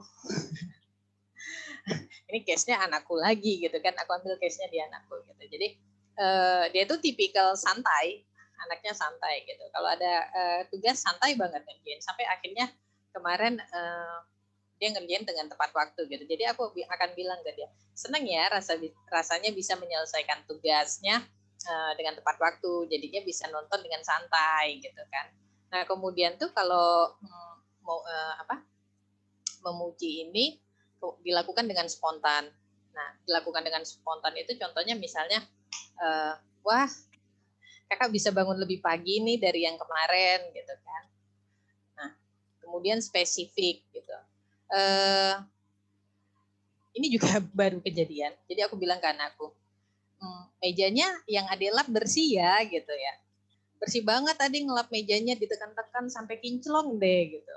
Nah, dia tuh makin senang gitu, makin senang, makin dilap-lap lagi gitu. Terus dituangin lagi air, dilap-lap lagi. Jadi mejanya beneran kinclong dibikin dia. Nah, kemudian puji usahanya ketutup ya aku. Puji usahanya bukan hasilnya. Nah, contohnya itu misalnya hmm, uh, Kak, meskipun Kakak masih ngantuk, tapi Kakak tetap bangun subuh ya untuk bisa sholat tepat waktu gitu. Nah, kemudian juga uh, tulus, tidak ada pesan tersembunyi gitu. Ini sering banget ya, nah. sering banget. E, contohnya itu misalnya, hmm, wah adek cuci piringnya sendiri ya gitu. Bukan bilang tumben rajin gitu. Nah ini ini penting banget gitu. Jadi ya tulus, nggak ada pesan tersembunyi gitu. Nah kemudian, hmm, nah kritik untuk anak gitu. Nah, kritik yang baik ini penting untuk membimbing anak biar anak bisa memperbaiki dan meningkatkan perilaku positifnya gitu. Jadi kritik yang membangun ini juga dibutuhkan untuk membantu anak berefleksi terhadap perilakunya. Jadi dia dengan sadar nanti oh iya uh, ternyata uh, yang disuka itu kalau warnanya banyak ya gitu misalnya dalam gambar ya kalau warnanya banyak itu cakep ya jadi besok besok dia akan bikin uh, bikin dengan lebih banyak warna nah kemudian uh, kritik untuk anak itu sebaiknya itu fokus pada kesalahan anak dan spesifik pada cara menyelesaikan masalah. Itu. Nah uh, kritik untuk anak ini juga akan ditiru sama anak gitu. Gimana cara orang tuanya mengkritik anak gitu. Jadi nanti ya seperti biasa anak itu kan meniru banget gitu. Jadi cara kita mengkritik itu akan ditiru banget sama anak. Nah cara baik mengkritik anak itu gimana gitu nah yang pertama sampaikan kesalahannya secara spesifik bukan pada pribadi anak gitu. Contohnya gitu uh, contohnya hmm, misalnya makanannya belum habis gitu. Bukan bilang kok buang-buang makanan sih kak? Gitu kan. Nah itu kan gak enak banget ya gitu. Jadi sampaikan dengan makanannya belum habis gitu. Jadi dia tahu bahwasanya yang jadi masalah itu makanannya yang belum habis gitu, bukan ke pribadinya yang bilang kenapa sih buang-buang makanan misalnya. Nah kemudian dengarkan dan terima perasaan anak. Gitu. Uh, ya ini penting banget ya untuk mendengarkan perasaan anak. Siapa sih yang nggak pengen didengar? Kita juga termasuk pengen didengar gitu. Nah, misalnya kalau kebetulan anakku udah masuk ya gitu, dia baru pulang sekolah gitu terus uh, capek ya masih harus bersih bersih dan mandi biar nggak ada kuman yang nempel gitu jadi aku sampaikan seperti itu gitu ya itu tadi ya pasti capek ya pulang siang terus masih harus mandi. Pengennya kan kalau kayak dulu berboleran ganti baju udah cuci tangan cuci kaki udah masuk kamar gitu. Tapi kalau sekarang kan harus mandi gitu. Nah kemudian juga gunakan seandainya atau ibu berharap untuk menunjukkan efek positif di masa datang. Nah, e, contohnya itu misalnya seandainya kemarin kakak bilang kita ini bisa punya waktu untuk siapin eh, bahan-bahan untuk tugas besok gitu. Nah itu itu kan spesifik banget ya. Jadi e, menggunakan kata seandainya. Jadi ke depan bisa um, diwanti-wanti gitu. Apa sih yang harus disiapin gitu. Nah itu tadi jadi fokus pada perilaku dan situasi yang bisa dirubah bukan pada kesalahannya gitu. Jangan kita bilang oh, kamu sih nggak nggak bilang dari kemarin jadinya nggak ada nih bahannya gitu untuk tugas besok gitu. nah kemudian bantu anak memahami uh, kesalahan harus diakui bukan dihindari kemudian bisa diperbaiki bukan menetap untuk belajar dan bukan untuk merugikan gitu. Jadi aku juga bilang ke anakku gitu uh, contohnya itu uh, dulu bunda pernah lupa ngerjain tugas dari guru gitu sampai akhirnya uh, setiap kali ada tugas aku langsung ngerjain loh gitu. Ya itu tadi bahwasanya itu bisa diperbaiki gitu. Dengan cara apa begitu ada tugas langsung dikerjain jangan ditinggal dulu santai-santai gitu. Nah dari ini uh, kira-kira pernah nggak ya ada yang dapat kritikan dan merasa kesel gitu karena hal tersebut gitu? Atau pujian favorit? Ada nggak sih yang punya pujian favorit gitu? Kira-kira apa? Nah kemudian uh, apa sih yang kira-kira sulit gitu? Uh, kalau kita ingin menerapkan pujian dan kritik mungkin ada yang mau tanya atau sharing silakan yuk gitu. Gak apa-apa molor-molor dikit ya mbak Nin setengah sembilan lewat iya gak apa-apa tadi udah di uh, warning warning banget di awal silakan teman-teman ada yang mau berbagi kah terkait mengkritik cara baik gitu ya jadi cara baik mengkritik anak. Jadi sebenarnya disiplin positif ini bukan nggak ada kritik ya di disiplin positif ini. Uh, men, maksudnya mendisiplinkan anak secara positif itu bukan berarti nggak ada kritiknya gitu teman-teman. Tetap ada, cuman kita belajar di sini kritik yang baik gitu ya, yang efektif sih sebenarnya. Adakah yang mau berbagi? atau kita mau langsung mencok kita mau latihan? Uh, kita tuh ada ada ininya nih, ada latihannya teman-teman. Latihan um, itu latihan memuji dan mengkritik. Jadi kan tadi kita udah dengar video Bu Ella ya, udah ada contohnya. Mbak Reni juga udah jelasin gitu ya, contoh-contohnya gimana sih uh, memuji yang baik tidak berlebihan gitu ya. Kadang orang tua tuh emang ini apa orang tua tuh uh, stok mujinya tuh banyak banget ya. Uh, udah jadi orang tua tuh aku baru ngerasain sih kayaknya tuh tiap yang dilakuin anak gue tuh pokoknya hebat banget. ya nggak sih? dulu tuh gitu mikirnya tapi uh, tapi ternyata kayak tadi gue jelasin banyak juga pujian yang berujung jadi mm, nggak bagus buat anaknya tuh jadi jadi apa ya jadi addicted sama pujian gitu kadang-kadang teman-teman tuh suka lihat tuh kalau kalau ada anak yang misalnya lagi ngerjain sesuatu tuh atau mungkin gini kayak dulu kan ya kalau misalnya nyuapin anak terus kalau udah masuk tuh ke dalam mulutnya ore! gitu itu tuh termasuk kadang-kadang. Jadi kalau misalnya dia makan terus gak dihorein terus dia kayak mana sih nih? gitu ya. Padahal makan itu sendiri itu kan sebenarnya uh, apa uh, motivasi motivasi internal dia harus makan. Kalau nggak makan nanti lapar sakit gitu. Nah itu tuh ujian yang jadinya nggak efektif gitu. Teman-teman mau latihan nggak ya kita nih silakan di uh, terus di kolom chat uh, sambil nanti kalau ada yang mau sharing boleh langsung uh, apa tuh namanya uh, open mic atau share di chat, tapi sebelumnya yuk kita latihan memuji dan berkritik yang mengkritik latihan memuji dan mengkritik ini ada dua situasi. Kemudian kelihatan di layar ya situasi satu. Anak tidak mau berhenti main gawai. Ini Mbak Era baru tahu kalau gawai itu adalah gadget. uh, satu. Nomor dua, situasi dua adalah kakak dan adik berantem um, eh berantem kan saking udah kakak dan adik tuh langsung berantem mikirnya karena di sini sering kakak dan adik bermain bersama dengan baik gitu ya kira-kira teman-teman nih kalau yang atas nih uh, yang atas nih uh, tentang gimana mengkritik gitu ya uh, nah yang di bawah nih gimana mau memuji uh, yang uh, efektif gitu boleh teman-teman di share di kolom chat situasi dua kira-kira gimana gitu ya mau memujinya situasi satu, situasi dua, kira-kira uh, gimana mau memujinya situasi satu, gimana mau mengkritiknya gitu.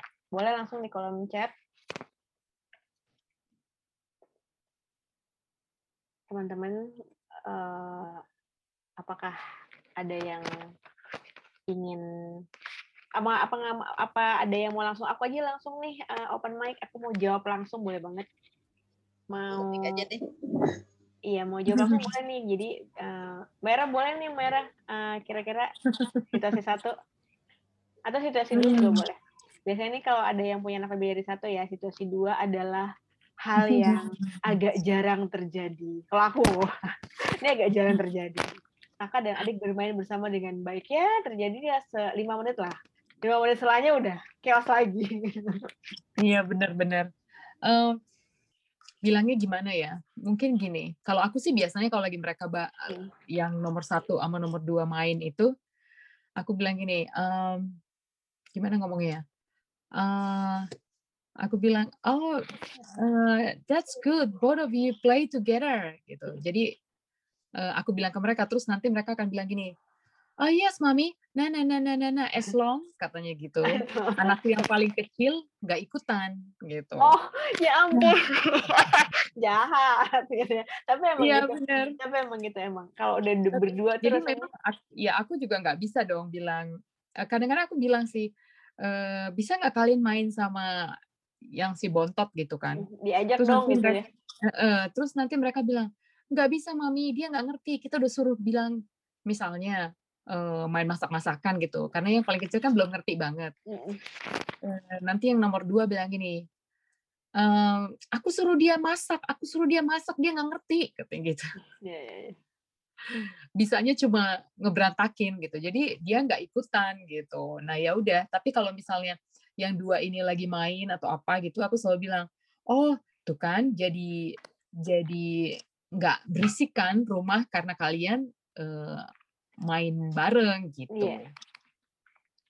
Iya, iya benar-benar. Jadi uh, yang kayak gitu itu tuh bisa jadi kadang itu lupa sih take it for granted gitu udah nggak berantem nih udah nggak ribut chaos tuh kan rasanya peaceful gitu ya itu udah aja sebenarnya gitu tanpa harus yang uh, ya itu memuji mereka yang uh, gimana rasanya kan lebih enak ya kalau mainnya tuh sama sama-sama jadi bisa aku suka bilang sih kalau mereka suka main basket tuh like every ada aja berantemnya. Bukan berantem sih berdebat sebenarnya ya.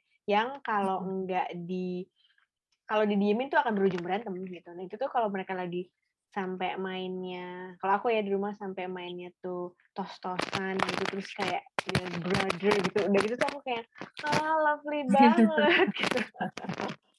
Gitu. Itu tuh ini banget. Teman-teman silakan ya. Ini ada bajang yang udah mau live. Uh, kita padahal mau foto belum foto nih. Iya benar. Kak Ajeng, tapi nggak apa-apa. Uh, boleh ya, uh, teman-teman yang lain mungkin ingin um, latihan atau mau langsung sharing di uh, bijak memuji dan mengkritik, uh, baik mengkritik anak silakan ya. Uh, open mic juga boleh. Di kolom Kalau untuk situasi boleh. pertama gimana coba nih? Anak tidak mau berhenti main gawai.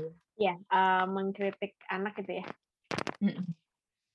Uh, silakan um, kalau aku kalau aku ya ini tuh juga sebenarnya di saat pandemi ini ini obviously sering terjadi. Kadang kalau mama waras ya bisa nih berpikir untuk memuji yang baik gitu. Eh mengkritik yang baik. Kamu uh, misalnya apa ya ngama anak nggak main iPad setahun. Apa enggak? Kak itu menghukum dong. Kalau mengkritik itu paling uh, apa namanya kadang-kadang aku suka menghubungkan sama itu sih uh, matanya nggak sakit gitu. Dari tadi matanya nggak perih biasanya aku nanya kamu dari tadi main gadget matanya nggak perih? Gitu biasanya gitu. Um, biasanya kan jawab gitu enggak mah gitu. Jadi kucak-kucak gitu ya.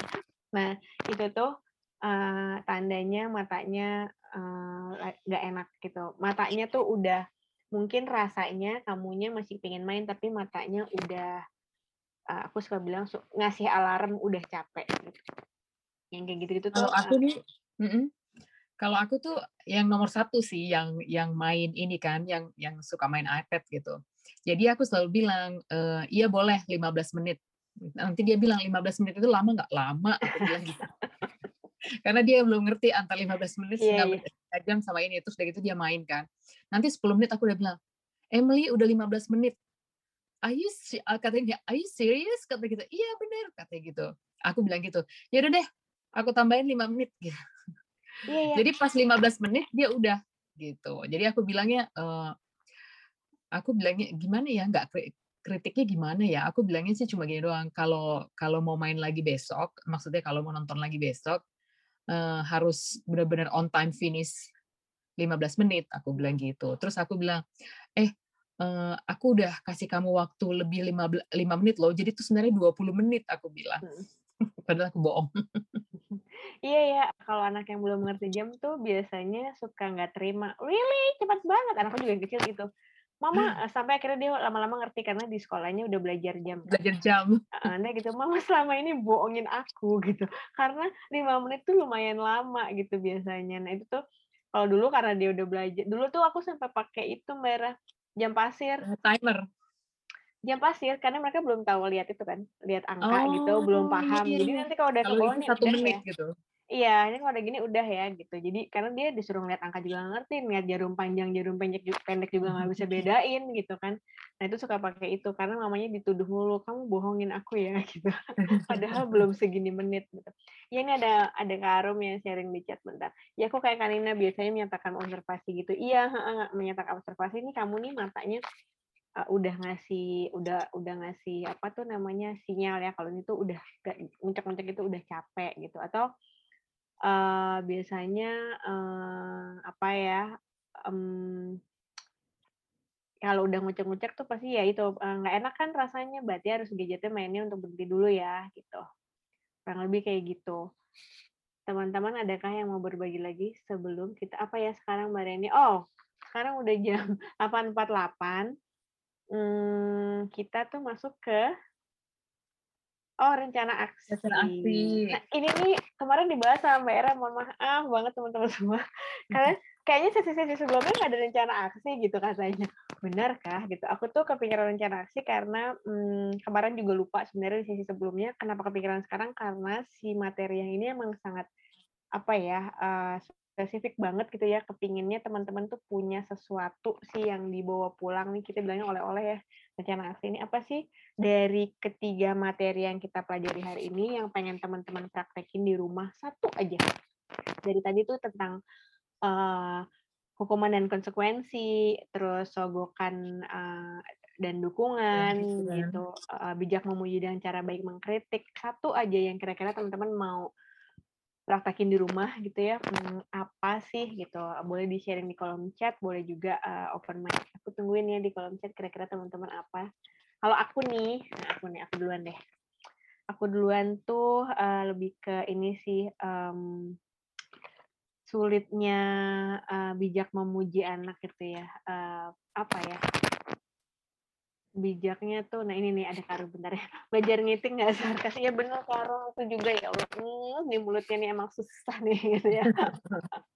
Kayaknya apalagi untuk anak-anak yang hmm, uh, udah mau udah teenager ya itu tuh dia tuh udah tahu banget deh kalau di uh, kritik mamanya kenapa sih gitu ya kenapa sih mah ngomongnya harus kayak gitu tuh dia udah mulai ngerasa tuh misalnya uh, ya itu kayak kamarnya udah beres gitu tuh Ben kenapa sih? Akunya nggak ngomong udah rapi kamarnya gitu ya. Thank, thank you ya udah diberesin tanpa mama minta gitu. Biasa kira segampang itu ya sebenarnya. Emang anak mamanya kadang-kadang suka ih tumben udah beres aja gitu.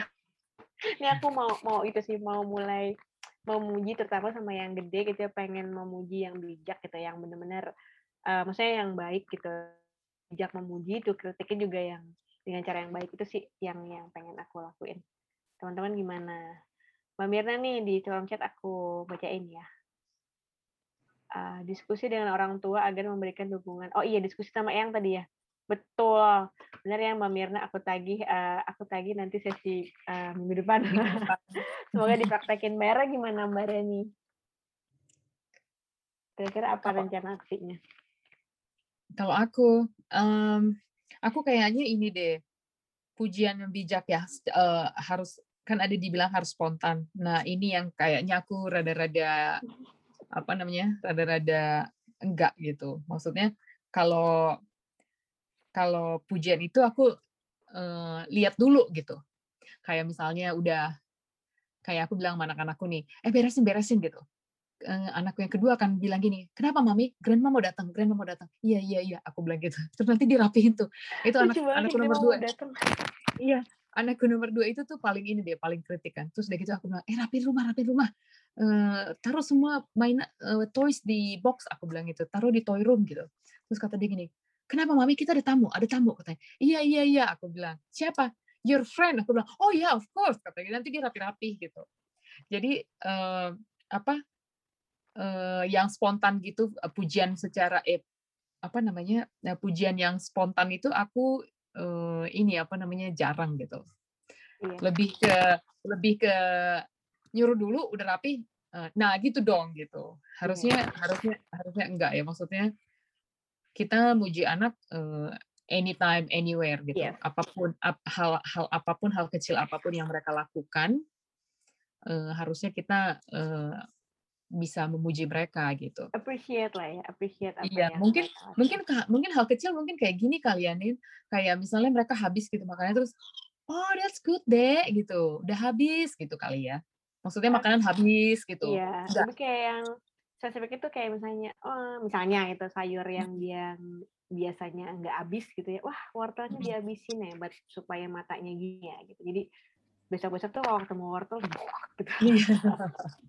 Jadi eh, emang, itu anakku yang ketiga tuh emang itu dia suka wortel dia kan selalu bilang nih carrot carrot carrot gitu Iya, iya itu tuh itu tuh ya itu ya makanya tadi bilang orang orang orang gede juga suka dipuji gitu kayak aku ingin cerita yang merah mm-hmm. ada orang dengan uh, rambut purple terus dipuji anak-anak aja mungkin uh, itu tuh bikin dia jadi kayaknya ini akan berambut kayak gitu tuh dalam jangka waktu yeah. lama. Karena emang orang tua juga suka ya dipuji gitu tapi ya itu kita di sini belajar gimana cara memuji yang bijak gitu ya nggak nggak nggak jor-joran gitu karena sebenarnya um, ya itu aku bilang tadi orang tua tuh agak sedikit fatalnya karena punya stok pujian itu buat anak banyak banget gitu ya tapi kadang-kadang lupa uh, itu tuh berlebihan Mbak Reni, kira-kira apa ya yang mau menjadi rencana Spesifik. aksi?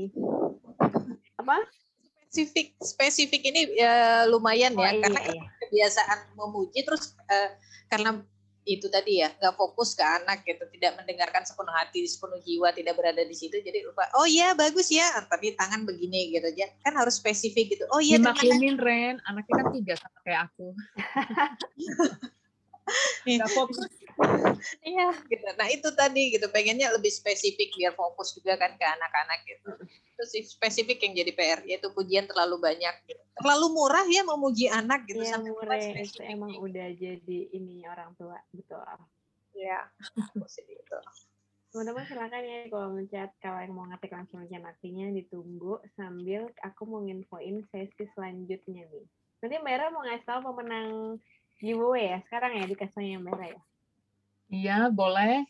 Oke, aku info dulu ini ya. Jadi teman-teman uh, ada sesi selanjutnya disiplin positif 3. Jadi kan uh, disiplin positif tuh uh, di materinya ada, ada tiga bagi, ada tiga kali sesi. Uh, aku sama Mbak Reni udah ngadain dua kali termasuk hari ini. Nah ini yang ketiga judulnya panduan kesepakatan orang tua dan anak. Ini pun juga penting gitu ya gimana.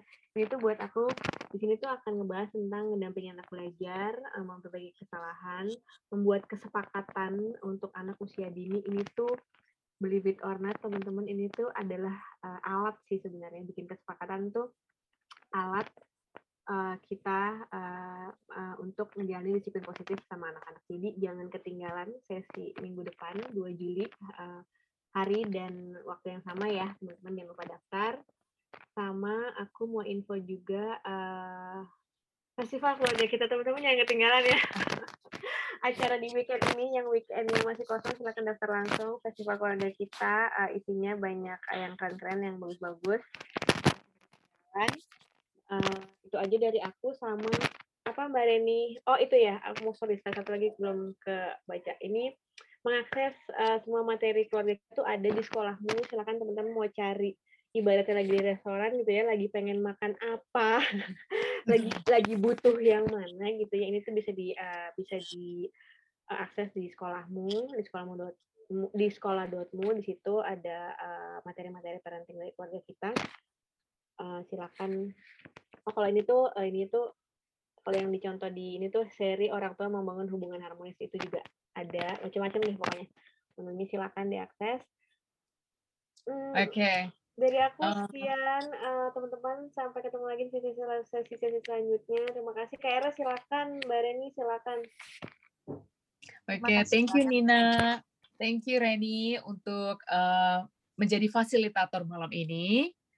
Nah, ini aku mau ingetin lagi, jangan lupa minggu depan hari Jumat uh, jam 7 sampai jam 8.30 uh, Rangkul dan Yereka Woman akan uh, membawakan materi panduan kesepakatan orang tua dan anak.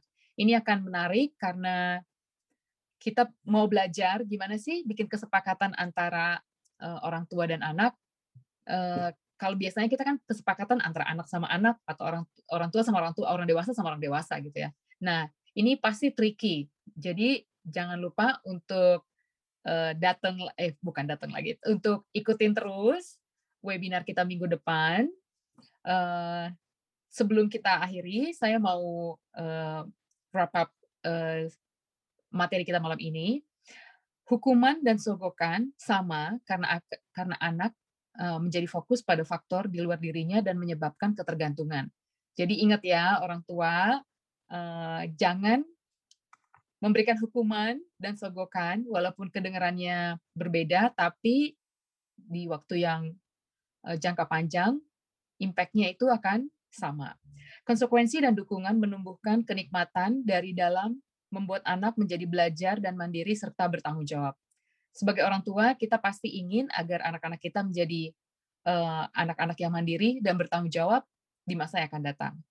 Terus pujian yang bijak haruslah fokus pada kepuasan internal atau diri sendiri, harus spontan, harus spesifik, puji usaha anak bukan hasilnya, dan harus tulus.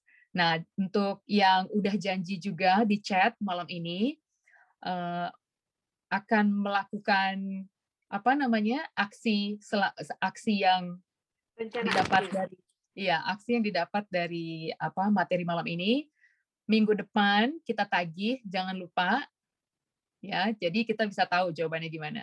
Oke, selamat malam semuanya. Selamat beristirahat. Saya Era Anderson, Nina, Reni. Thank you, thank you semuanya.